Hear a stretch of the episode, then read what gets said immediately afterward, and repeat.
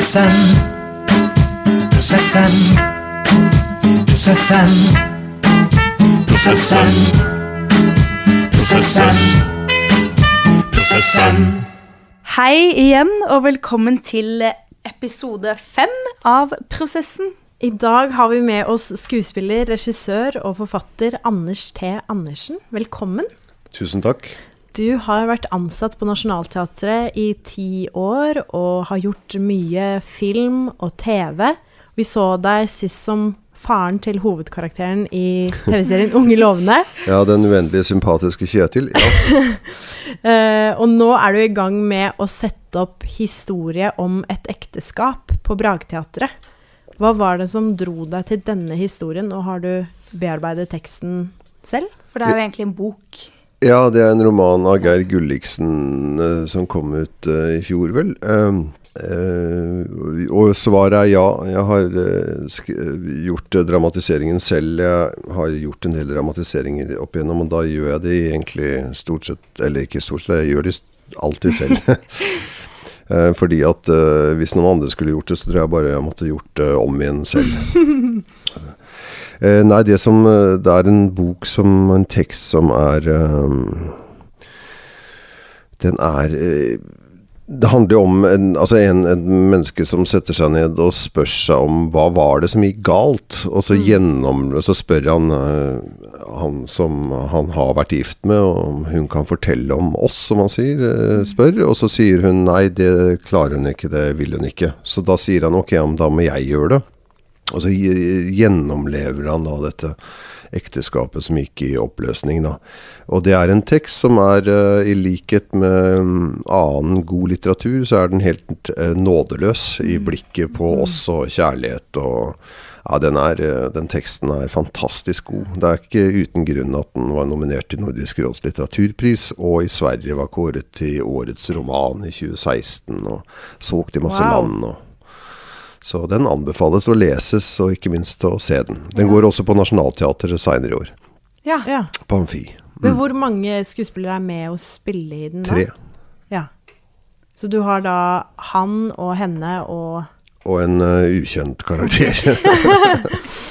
ja, det er en veldig subjektiv historie, egentlig, som uh, altså, mm, Hvor han på en måte jo hus, prøver å huske og forstå hva som skjedde. Men eh, så da, ja, så Petronella Barker spiller henne, og en svensk eminent skuespiller ved navn Jonas eh, Sjøkvist spiller han.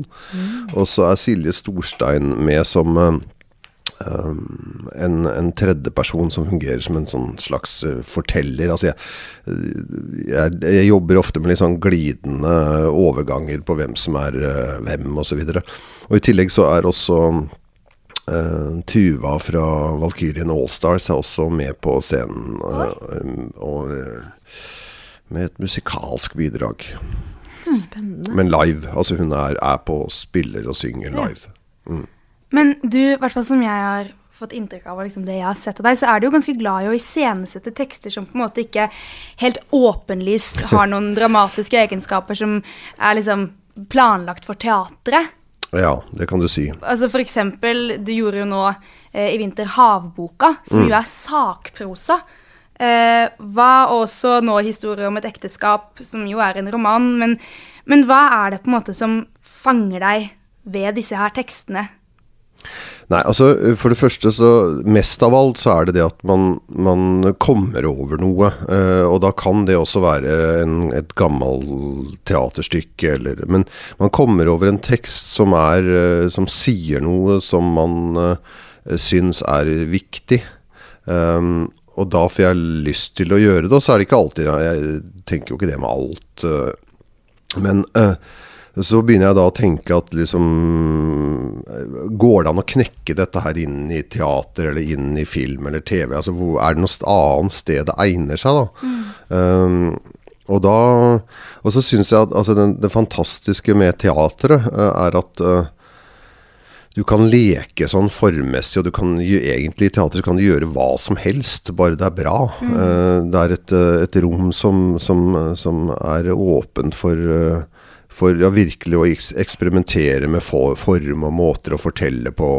Uh, altså, jeg kunne ha sagt på en helt annen måte enn film, men det er ikke helt riktig. Men uh, det er sånn i praksis fordi at uh, film er så dyrt, så det er omtrent umulig å få finansiert noe som er er så vidt eksperimentelt. da, sant? Du, du forholder deg mye oftere til veldig sånn lineære altså Historiene er som oftest ganske sånn dramaturgisk, eh, med noen unntak, selvfølgelig.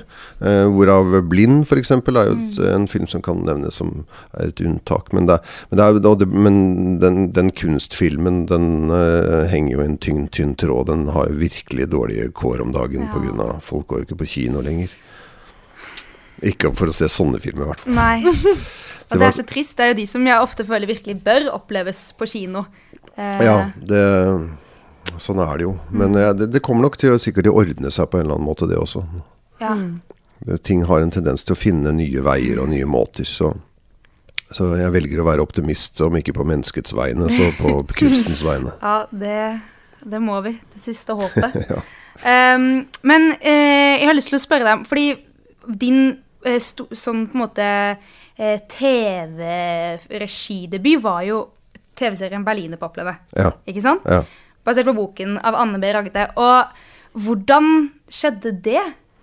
Nei, det var uh, coup d'etat, et statskupp nei, det var altså Anne B. Ragde var jo da uh, Jeg holdt å si en helt vanlig norsk forfatter uh, som solgte noen tusen x av hver bok og sånn. Og så fikk hun sitt gjennombrudd med 'Berlinerpoplene'. Men det hadde seg slik at jeg leste inn boka som lydbok før den kom ut. sånn at jeg hadde sikra meg de filmrettighetene. Jeg hadde, hadde, hatt et møte med Anne B. og snakket med forlagsredaktøren. og og fått eh, filmrettighetene, og så sa det pang etterpå. Så det var vel litt sånn Askeladden-historie. Og så ringte NRK og spurte om et, Fikk beskjed om at dramasjefen gjerne ville ha et møte med meg. Og da skjønte jeg hva han ville. Han ville kjøpe de rettighetene av meg. Så jeg tenkte ja, jeg får gå opp der og si eh, jo, ho, ho, ho, men de er ikke til salgs. Og det gjorde jeg også. Og så tilby NRK meg å gjøre det der, og veldig raskt. Jeg hadde egentlig tenkt å lage spillefilm. Mm. Eller var planen, i hvert fall. Og så og det, det, var jo et tilbud man ikke kunne takke nei til. Det, um, så da, da, ble det sånn. Ja. ja. Men var det ditt første møte med regi? Eller? Eh, ja, faktisk. Jeg hadde ikke regissert noe som helst. Men jeg hadde Så det er jo Men jeg hadde Det må sies i den sammenheng at jeg hadde, har alltid hatt det regihuet som og hadde lett og tenkt og grubla på måter og, og måte lett etter historier og sånn som hadde egnet seg for uh, jeg, også, så, så det, jeg hadde jo Men jeg jo, var jo skikkelig sånn her vinne i Lotto og flaks, egentlig. og det gikk jo også veldig bra. Det ble jo masse ja. priser og nominasjoner, og du fikk jo til og med en pris for beste regi, ja. gjorde du ikke? Jo, jo da, jeg gjorde det. Men uh, du fortsetter jo med som regissør på teaterscenen med 'Verdiløse menn'. Ja. Som også gjorde det kjempebra. Ja. Og det var også din regidebut på teatret. Ja, det stemmer. Mange solskinnshistorier. Ja, VG kåret det som eh, tiårets forestilling. Ja. Og det ble gjenoppsatt på Nationaltheatret i 2015. Det er ikke verst. Nei da, det var, eh, det var fint. Fantastisk materiale å jobbe med. Så jeg var jo fullstendig klar over at når, den, når, det gikk så bra, så tenkte jeg at uh, med de to i bagasjen at her, herfra er det bare én vei, og det er nedover. så vi bare håper at ikke veien er for langt nedover, da. Men det er helt Nei, greit. Men eh, etter hva vi har hørt, hvert fall, så er det mange som omtaler deg som en særdeles god personinstruktør. Tror du det har det noe hyggelig. med din bakgrunn som skuespiller? Har du tatt med deg noe fra din skuespill skuespillerkarriere? Ja, det er klart at det det, um, altså, når jeg, jeg søkte én teaterskole i England, og så var på vei videre for å søke eh, regi, og så kom jeg inn på den skolen. Men jeg er veldig glad for min, at jeg har jobbet så mye som, og lenge som skuespiller. fordi og det er også veldig viktig for meg. altså De skuespilleroppgavene jeg gjør nå, det er jo ikke så veldig store ting, for det har jeg ikke tid til. Men, uh, men det er veldig viktig for meg å gjøre de, sånne småroller, hist og pist. Uh, mm i film og TV for å liksom på en måte mm, bare minne meg selv på hva det der er. Mm, og det er ikke mm. det at jeg ikke syns det er morsomt å være skuespiller så mye som om det andre på en måte bare tar all min tid og, og sånn. Men, men det, er, det, er, viktig å, å, og, og, kjenne på det, og, og, hva det der er. Og det å, å ta regi og uh, Så det, det er klart at jeg starter eller med skuespill så starter jeg nok litt, litt lenger ned i gata enn kanskje de fleste. Eller jeg skal ikke snakke om andre, men for å snakke om meg selv, så, så skjønner jeg skuespillere, tror jeg. Uh, og jeg ser om de svetter privat eller i rollen. Um, og forstår vel prosessene. Der har jeg jo en mm. empirisk erfaring, så ja. enkelt er jo det egentlig. Mm. Og språket, ikke minst. Uh, at jeg Altså hvordan man snakker om det, og er veldig klar over fallgruvene ved kommunikasjon. For kommunikasjon ja. er, en, det er en farlig ting. Det, det er det. Hvordan vil du si du kommuniserer med dine skuespillere? Nei, altså jeg, jeg, Det jeg i, hvert fall kan si noe om, er at jeg, at jeg, at jeg hele tiden, eller, ikke, eh, eller, med jevne mellomrom i hvert fall, minner uh, skuespillerne på at det jeg sier er uh, uh, noe som lett kan misforstås. Mm, ja. at jeg, det, som, det, som, veldig ofte skjer, da, sant, er at du, du sier ja, men kan, kan dere ikke gjøre litt mer sånn, et eller annet. Og så svarer skuespillerne på den oppgaven, mm. på en måte. Jeg, altså, de tar det som et, en sånn altomgripende ting, istedenfor å så minner jeg dem på at Men dette her er bare en nyanseforskjell fra det dere gjør nå. Og jeg vil ikke at dere skal gjøre dette her hele tiden i den scenen, f.eks. Jeg vil at det kan liksom, Sånn at du spesifiserer hele tiden mm. at du er ute etter et uh, ikke én ting, og at, det, at kommunikasjonen lett kan misoppfattes, da. Mm. Uh, ja.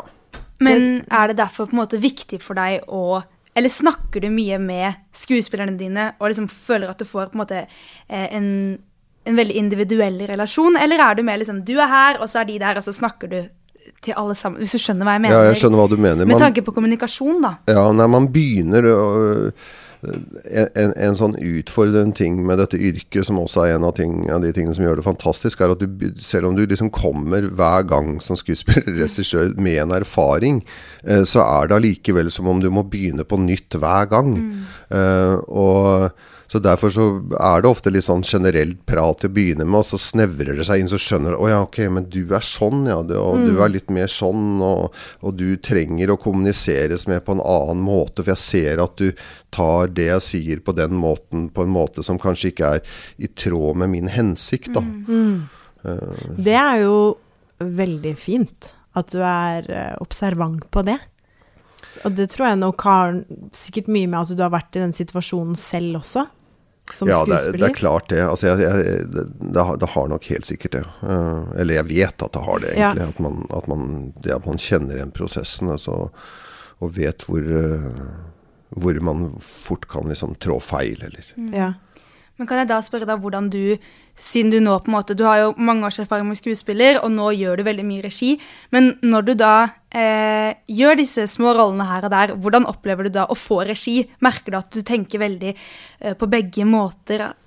Eller er det sånn nei, da gir du deg hen til å være skuespiller og lar den regissøren få Jeg gir meg helt hen til å være skuespiller og, og jeg kan, jeg, kan si, jeg kan, ofte si sånn Jo, men hva om sånn og sånn? Uh, men hvis de da sier nei, så forfølger jeg ikke. Jeg rir ingen kjepphester. Og, mm. og, jobber nok med mye lavere skuldre også enn det kanskje eller i hvert fall igjen bare for å snakke for meg selv, enn det jeg gjorde uh, før, jeg, ja. før jeg begynte å, med regi. Mm. Uh, fordi man også av flere grunner, men, men, ikke minst fordi at man skjønner at uh, mer og mer, etter å ha sittet og sett på så mye skuespillere, uh, skjønner at det er, er egentlig ganske altså Desto lavere skuldre du jobber med, desto bedre, egentlig. Ja. Og jo mer man stoler også på regissøren. Ja, det er jo et tveegget sverd. ja. Nei, det, ja, altså det man, man, er jo prisgitt det som skuespiller. Um, og det vanskeligste med, å være skuespiller er jo sånne situasjoner hvor det ikke er tillit mellom mm. regi og skuespiller. Og, mm. ikke, og særlig når det oppstår et, du har en situasjon hvor det er et helt ensemble i en mm. produksjon som ikke har tillit til regissøren, og de må mm. kanskje på en måte begynne Og så begynner den derre mytteriet sånn snikende og kommer inn og sånn. Det, det, er en veldig vrien situasjon. Så Har du opplevd noen gang som regissør at du føler at du ikke mestrer oppgaven godt nok? Eller at du syns det er noe Nei, jeg har, jeg har Eller altså, jo, det er klart at jeg opplever og tenker at det er ting jeg kunne gjort. Men det er ikke det at jeg ikke At, at man på en måte er helt ute på tynn is. Uh, man opp, men altså, jeg tror at uh, Jeg har ikke opplevd at vi ikke har jobbet sammen, på en måte. Uh, jeg aldri opplevd noe sånn sabotasje fra Eller hva bra. det er stygt ord, men skjønner at man ikke har mistet all tillit, da. Det, det har jeg ikke. Man opplever jo det selvfølgelig gradvis. Og det er jo en annen ting som jeg også er veldig klar over, da. eh, Er jo prosessen, hvordan man så ofte er tider i prosessen som er nesten som en klokke på at her nå, Ok, nå er vi sånn midtveis i prosessen. Da Mm. kommer det mye frustrasjon. Å holde tunga litt sånn rett i munnen da. og så- ja. Hvor er dere nå, da? I den forestillingen du setter opp? Nei, nå har vi, vi, vi har vel uh, egentlig akkurat tatt oss ut av den derre midterm frustration period. Så nå skal vi inn i PMS-en. Uh-oh. Oi! PMS-en, ja. Yes. Ja, men eh, det var noe jeg fant på nå. okay, Jeg mener ikke å være sexistisk. Det skal sies, ja. Jeg er, eh, jeg er feminist på min hals. Bra. Um, men du er jo utdannet fra uh, London. Ja. Uh, The Arts Educational Drama School. ja. Når var det du gikk der? Det var eh, under første verdenskrig Nei, det var eh, Nei, når var det? Det var på 90-tallet. Fra Var det ikke fra eh, Ja, det, til, jeg tror jeg gikk ut i 94, mon tro. Ja. Ja. Hvordan type utdanning var det? Brukte dere noen spesielle, konkrete metoder? eller? Ja, det var en skole som eh, hvor lærekreftene sprang Eller kom fra, i stor grad fra The Drama Center, som var jo en sånn utbryterskole i sin tid på 60-tallet. Jeg er ikke helt sikker på tids, tiden. Men i hvert fall hvor, som ble, var en veldig sånn ortodoks eh, Stanislavskij metodeskole. Unnskyld. Mens uh, Arts Ed, den eh, hadde det som sånn grunnprinsipp, men så var han rektor der også veldig uh, bevisst i at vi skulle også samtidig få helt andre lærere å jobbe med. Så det var egentlig en veldig, sånn, ja, det var en veldig bra utdannelse, syns jeg. For du hadde liksom en gjennomgående gjennom de tre årene med metode, samtidig som du liksom ble jobbet på helt andre måter. Jobber du fortsatt med de metodene du lærte den gang? Eller har det Eh, Nei. Nei. Eller jo, man gjør jo altså eh, Både og, egentlig. Men jeg følger ingen me- metode. Jeg er altfor anarkistisk innstilt og tenker at eh, at, at en metode, den tar man frem når man trenger den. Eh, men å følge noe sånn der, eh, ha en sånn ortodoks innstilling til den og følge den helt sånn slavisk, det, det er ikke for meg, i hvert fall. Det er ikke det at det kan godt være fungere fint for andre, eller whatever works for you, men for, for meg så er det um, det, det, det er Ja. Men, men, så kan, så er det klart at man bruker og man forstår det. Jeg husker en lærer som sa til oss på, til, når vi gikk i England, at det dere lærer nå, det kommer dere til å forstå om ti år. Ja, det Og det- husker jeg jeg også fikk høre. Ja, det, Men det er helt riktig. Ja, det er helt riktig. Så, så om det, er akkurat ti, liksom, det er jo grader, sikkert noe man forstår etter et år, og noe andre ting etter 20. Men, men, men jo da, så man, det er klart at man på, på sånn indirekte, uten å følge det slavisk, så bruker man jo, høster man jo av den erfaringen også. Hvilke metoder vil du si du er mest inspirert av, da? Nei, det vet jeg. Eller jeg aner ikke. Nei. Jeg tror ikke jeg er spesielt inspirert av noen metode, egentlig. Nei. Eh, men jeg har i hvert fall vet én ting som du har sagt, som jeg prøver å tenke på. Ja. Nei, men som jeg syns var så fint, for det er jo egentlig helt sånn åpenbart. Mens ofte i skuespill, dessverre, blir jo de åpenbare tingene ofte de vanskeligste. Ja. Eh, men at eh, dette med at Husk at eh, hver, eh, hver replikk er på en måte en ny tanke. Mm. At det er liksom en ny tanke, en ny tanke. Ofte er det jo sånn OK, man lærer seg manus, og da vet du Når du starter å snakke, vet du allerede hva du skal si. Ja. Men dette med å huske at alt er en ny tanke, på en måte. ja, ja, det er veldig viktig det der at, at teater er presens på alle Ja. måter, egentlig. Selv om du omtaler fortid, eller Det holder jo i veldig stor grad med på nå, da, i forhold til at det er en, en, et menneske som på en måte prøver å fremkalle noe som har skjedd og har gått galt.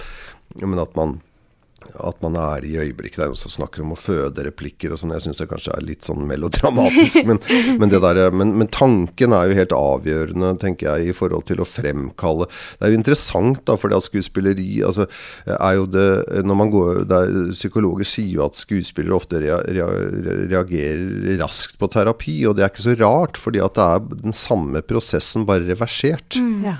Altså, ikke sant? Altså, det er mye emosjon f.eks. som du skal lære deg å håndtere i dette livet. Mm. Uh, mens, uh, mens uh, du er jo på en måte trent i å hente det frem. Mm. og du, det, alt begynner jo med tanken. Mm. For å trygge det andre. Man har jo det man kaller for automatiserte beskyttelsesmekanismer, som er f.eks. som er uhyre interessante, som begynner med er, som Man prater om i psykologien, hvordan, hvordan en, en, tanke i løpet av et tiendedels sekund kan liksom trigge et sånt uh, um, forsvarsmodus, uh, sånn at du på utrolig kort tid så er hele kroppen din grisepumpa av mm, adrenalin. Mm, mm. Så det fungerer et sånn samsvar med tanken som da eh, er som et sånn crescendo som øker eh, katastrofetankegangen. Alt blir bare verre og verre og verre. F.eks. som en tanke om at utroskap for eksempel, er en sånn mm. typisk sånn, eh, sånn, uh, sånn, mekanisme. da. Egentlig så mener jeg at det burde hete selvdestruktive mekanismer. og... Mm. Ja. ja.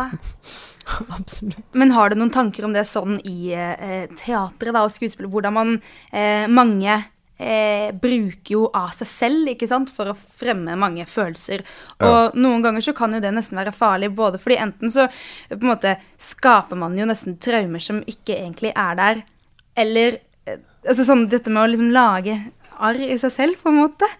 Eh, ja, altså ellers så er det jo kanskje det fungerer motsatt. Ja. At det fungerer som en slags ventil. Det er vel mm. vanskelig å være veldig generell på det. Altså For noen så går det jo ikke, da. Ikke sant.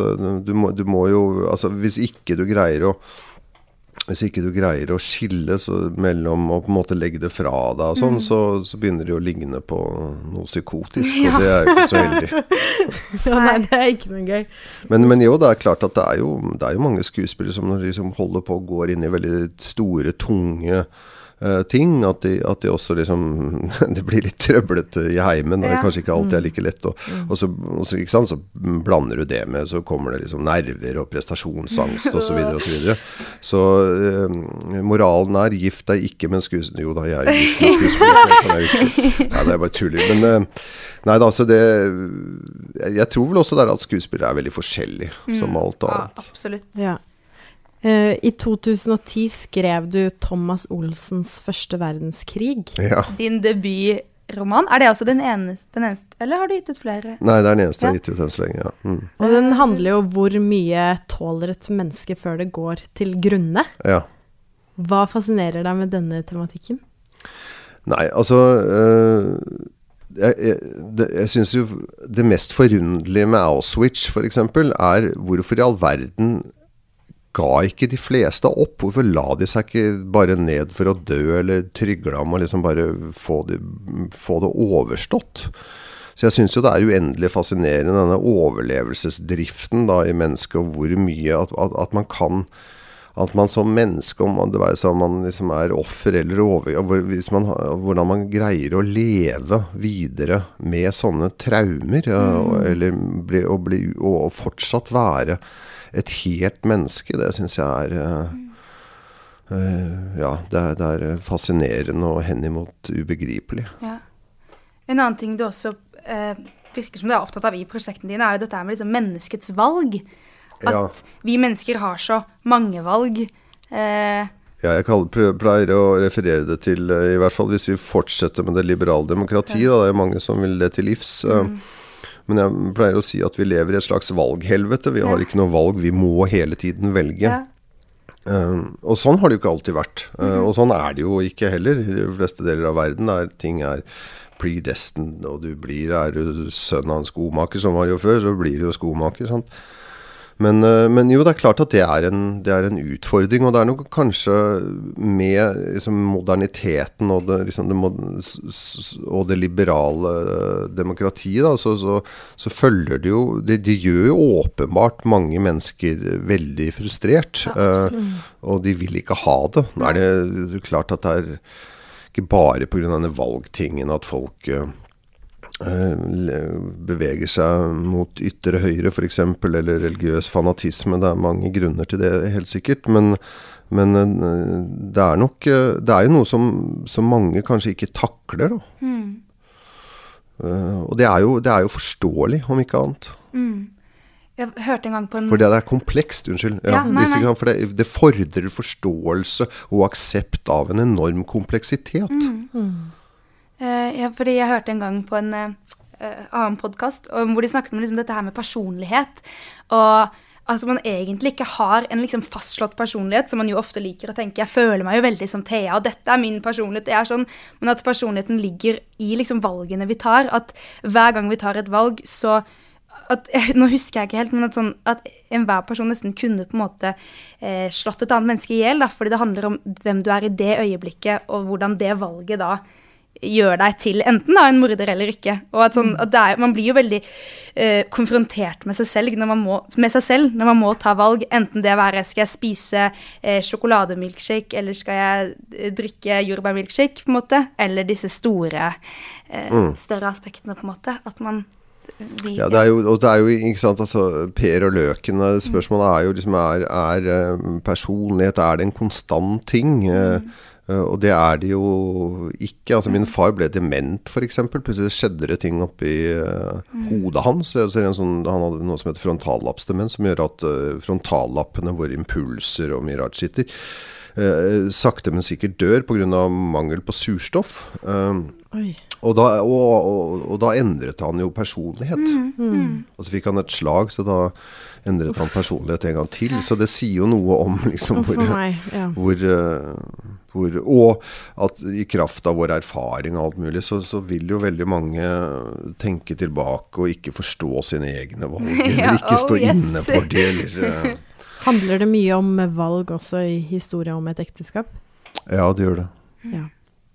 Det gjør det absolutt. Kommer tredjeparten inn da som en vesentlig Ja, det kommer en tredjepart inn. eh, Det, det oppstår et, et utroskap eh, som Ja, altså han er eh, hovedpersonen. Han driver jo på en måte og oppfordrer til det. Fordi han står Og det er, det er utrolig interessant, egentlig. For han har en sånn idé om at, at, at altså hvis du, de lever ut ifra et sånt prinsipp at hvis du får at hver, og begge skal få lov til å gjøre det de selv vil. Um, og han mener at uh, at hun som er kvinne, må jo, som menn har holdt på i alle år, har elskerinner. Og hvis hun får lyst på en annen, så skulle hun bare Og så begynner han også å fantasere om, om at hun har sex med en annen. Så han på en måte dytter henne ut i det, men, og samtidig forsøker å takle men klarer ikke å takle det. Det er interessant, fordi at han står da i spennet mellom ideologi og emosjon. Eh, og jeg tenker det er jo noe med det der, uh, apropos kompleksitet, at menneskets liksom, store utfordring er at vi er så banale og, og reptile på mange måter i vår emosjonelle uh, mens, mens vi samtidig har denne fantastiske intellektuelle kapasiteten. Da. Altså, s- men så står vi da i det der spennet mellom de to tingene som, som, i, som er i interaksjon. Eh, og hvorfor man ser på en, Jeg husker ikke hva tallet er, med et foreldre som, som forsøker å gjøre sitt ytterste i en barneoppdragelse, vil liksom begå liksom 50 feil om dagen, eller hva det er for noe. Fordi vi, vi hele tiden Og jeg tror at uh, jeg tenker at vi i mye større grad er, er Vi er mye mer irrasjonelle enn det vi tror om oss selv også. Er det noen valg som du har tatt tidligere i karrieren din, som du har lært deg å ikke ville gjort nå eh, om igjen? Eller er det noen ting du gjør bevisst annerledes nå enn hva du gjorde da du startet som skuespiller? Nei, altså jeg gjør jo det opp, altså det, man, har jo, man er skuespiller, så holder man jo på Da er man jo hele tiden på andres nåde. Så, og nå er, driver jeg jo i motsatt ende, men er jo selvfølgelig på andres nåde nå. Men da er det på hele tiden minneprosjekter, stort sett, da. Ikke sant, Som får ja eller nei. Mens eh, som skuespiller så flyter det jo bare rundt der. Og så eh, er det folk som liksom vil ha deg i sine prosjekter, eller så utgangspunktet er litt annerledes, da. Men eh, ja. Men du nevnte i stad at uh, i eh, historie om ekteskap så har du med også livemusikk. ja. Og det brukte du også i Havboka. Og er, du, er det et aktivt valg du tar med å bruke musikk i uh, prosjektene dine? Ja, altså ikke det at jeg absolutt Eller jo, jeg har vel ikke gjort noe som overhodet ikke har hatt musikk, men det der at det er live eh, Nå, nå skal det sies at det er jo i både i Havboka og i Historie med ekteskap, så er det jo også eh, videoproduksjon. Mm. Eh, sånn at eh, eh, Altså noe eh, Når jeg tar litteratur til scenen, så tenker jeg at eh, jeg gjør ikke adopsjoner som er bare å ta ut liksom scenen og dialogen, men at kan noe av hensikten må også være å ta litteraturen til scenen og, mm. og prøve å se om man greier å skape et møtepunkt mellom billedkunst, eller billedkunst, litteratur og scenekunst og musikk. Um, så det er det ene. Og på det andre er jo det at man får musikken um, den, den er jo så umiddelbar. Unnskyld. Og, og er derfor um, Og så syns jeg det er fint at den er live, at ikke den er på contentum. At, uh, at man ikke på en måte skjuler uh, virkemidlene, om du vil. da. Men i, i eh, Havboka, der var det vel mye liksom Er det liksom en spesiell musikktype, sånn punk, eller noe som virkelig liksom Mye PJ Harvey var det der, og som inspirerer deg, da, eller som du Altså PJ Harvey syns jeg jo er, er veldig, veldig sånn Hun er, synes det er veldig vanskelig å komme utenom alt. Og, Men det er fordi at at jeg, har spurt meg selv øh, hvorfor. Altså, og det er fordi at hun har Hun opererer med kompleksitet i musikken. Både i, i det rent musikalske og også i tekstene. Som gjør at de ofte er liksom mer åpne og egner seg bedre. Sånn jeg ser det. Det er veldig vanskelig Eller det er, det er en utfordring å finne musikk, i hvert fall musikk med Eh, Spesielt når det er, hvis det er eh, sangtekster også som går opp med det andre. Og hvis det er sånne tekster som er ekstremt eh, eh, konkrete, eller ofte så er det én historie, eller Så er det kanskje oftere vanskeligere å Men så kan jeg liksom Ja, nei, så det var Spørsmålet var om, eh, om hva som inspirerte meg, kanskje? ja, ja. Musikk i forestillingene dine? Men også generelt bare, ja, hva er det Er liksom musikken din inspirasjon, eller er det en regissør, eller hvor Eller er det liksom bare din lager jo- egen drivkraft? eh? Du lager vel ofte, eller lager kanskje ikke fysisk, men du står ofte for scenografi også? Du er jo en slags eh, totalkunstner, Anders, eh, med alt du holder på med. Huff da. Ja, ja. fint. da. Ja, jeg tenker at alt jeg driver med er, egentlig handler om det samme. Da. At det handler Ja. om å fortelle historier. Om jeg er skuespiller, om jeg filmer teater, eller så er det handler om å liksom å, Jeg befinner meg i illusjonsbyggebransjen. Eh, og det handler om å bygge og forføre mennesker inn i en eller annen historie for å si noe om det, noe som jeg tenker at det er er viktig, da. Og det med viktig kan både være noe sånn politisk samtidsmessig, sånn som Havboka, som jo sier veldig mye om, om uh, måten vi behandler havet på, at ikke det er spesielt lurt. Fordi eh, hvis ikke vi um, skjerper oss, så kommer vi til å dø av at ikke vi tar vare på havet. Fordi at det produserer over 60% av alt oksygen på jorda. Tenk det, du. Men eh, eller bare det der at det handler Altså at det hjelper oss, som, sånn som med et ekteskap, at det hjelper oss i å forstå hva i all verden er dette merkverdige tingen de kaller uh, livet i denne jammerdalen. Kjærligheten. Hva, ja, kjær, hva det er er i spesifikt liksom i kjærligheten og i, i ekteskap, eller i, i tosomhet og så videre. Men du var jo faktisk en av de første som eh, dro til Hollywood i sin tid, da du spilte i 13 Warrior. yeah. Ja, For det er jo, det, jeg synes det er litt fascinerende, for nå er det jo på en måte en ganske sånn En slags sånn bølge. Ja. Eh, men du var jo Og også både, både dette med at du gikk på skole i England Nå er det jo veldig mange som drar til utlandet, og liksom Ting er jo mye enklere, men eh, du gjorde på en måte disse tingene før det ble helt vanlig, eller var det mange som dro til utlandet og studerte? Utlandet hørtes så eh, Da du dro til England? Eh, Nei, det, det, det startet vel eh, det, det, var helt i Det, var jo, det er jo flere som altså, eh, Toralf Maurstad Det, har jo liksom på en måte skjedd før òg, men, men det var nok tidlig i det som senere ble ganske mange. Eh, det var det. Mm. Så det var ingen andre nordmenn i min klasse, f.eks. Hvilket jeg syns var fint, da, Ja. at ikke det var.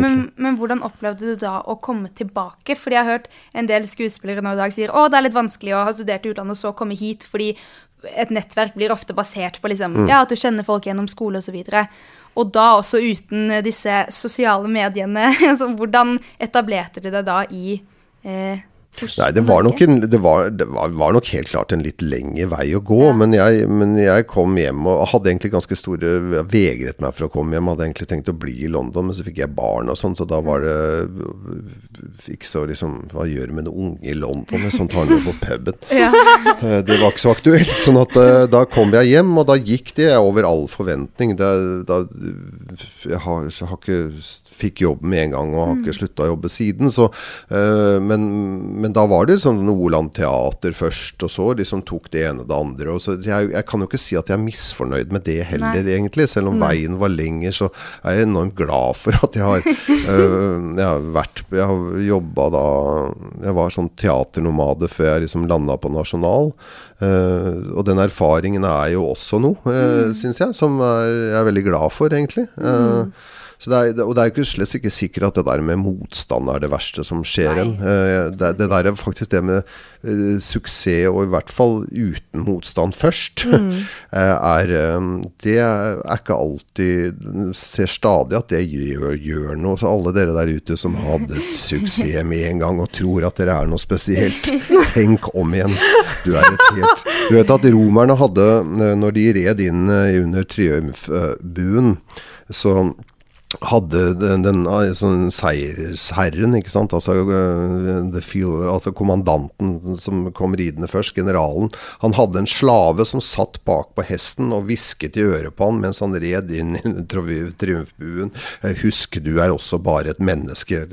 Eller husk, husk at du skal også dø, eller noe sånt, sa de da, for å minne de på at du er også et menneske først og fremst, ikke sant? Og det er noe av faren ved at, og jeg, jeg, jeg skal ikke nevne navn, men du, du, du hører og ser det på folk som, som kanskje tror litt sånn for godt om seg selv, da.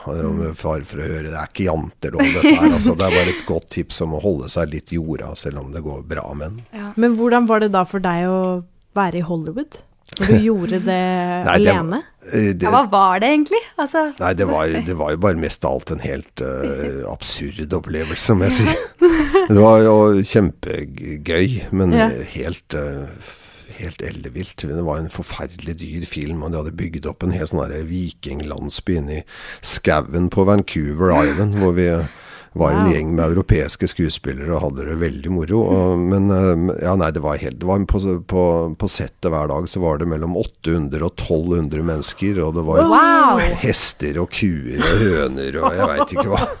Nei, det var helt sjukt. Men det var gøy, Det, Ja. Altså, Ja. For en galskap. Jeg hadde, jeg hadde jo filmet da i England øh, for øh, ja, BBC og ITV og litt sånn, så jeg forventet meg liksom det samme, bare, som var utrolig sånn velsmurte tannhjul uten sandkorn. Og forventet meg det samme, bare enda bedre, men det var jo bare fullstendig kaos. Fordi at de delegerer ikke noe ansvar. Ikke sant? Det sitter produsent og regi som sitter og fighter om makt på toppen, og så var det sånn You're fired! til, til en lydavdeling. Nei. Og da liksom Da føyk hele den lydavdelingen på 18 mann ut Nei. en dag, og smakk dagen etter så sto det en ny liksom lyd-sound department Wow. der. Så det var jo bare tull, egentlig. Men hvordan var det for deg? Kjente du på noe frykt for å miste jobben din? Nei, det, nei, det gjorde jeg ikke. Det, Det gikk det ikke utover bare- deres dere skuespillere? Nei, det gikk ikke utover Nei. skuespillerne. Det kunne kanskje gjort det, men nei, det gjorde absolutt ikke det. Nei, det var vel bare sånn der Man satt mest og gapa, liksom. Tenkte dette her er- altså, Det var på en måte så hinsides Ja, ja. at man, man, eh, man forsto for amerikansk film koster så mye penger. Mm. fordi at de sløser og Men det er interessant da, sånn samfunnsmessig, for det gjenspeiler jo det amerikanske samfunnet. Det der med, med at, eh, at alle er fritt vilt, og alle mest Alle kan liksom dytte deg ut fra toppen. Og alle under er bare på en måte lakeier som løper rundt med tunga ut av munnen og skal prøve for å tilfredsstille Nei, jeg syns ikke det samfunnet der er noe å trakte etter, altså. nei. Så du likte bedre å komme hjem igjen til Norge Ja, i det- etterkant, eller? Ja, altså jeg hadde det, det var jo sånn Man fikk jo agent i LA, og, og sånn, men jeg var liksom ikke i tvil. Jeg skulle hjem til barna mine og var, ikke, var helt sånn uakt... Jeg, syns ikke Jeg syns USA er veldig fascinerende, det syns jeg. Og, og jeg hadde jo bodd der før òg, eh, som jeg gikk på high school et år i USA. Så, jeg, så, så, så nei, det, jeg, jeg har ikke noe sånn amerikansk drøm i det hele tatt, egentlig. Men det var, jeg, veldig, det var utrolig kult å få liksom vært der og oppleve det. Det var jo virkelig et eventyr. Det skjønner jeg. Har du noen drøm nå, da? Oi, ja, det er fint. Eh, altså Dette her høres kanskje ut som en sånn gammel, veldig kjedelig mann, men det er egentlig bare å få lov til å få fortsette med, det, med de tingene jeg driver med. Og det, det er vel det jeg drømmer, eller håper mest på alt. Fordi at eh, ja, jeg syns det er en fantastisk interessant jobb. Tusen takk for at du kom, Anders. Jo, takk for at jeg fikk komme. Hjertelig takk. Vi gleder oss til å se forestillingen deres på Brageteater. Ja, som også kommer på Nasjonal.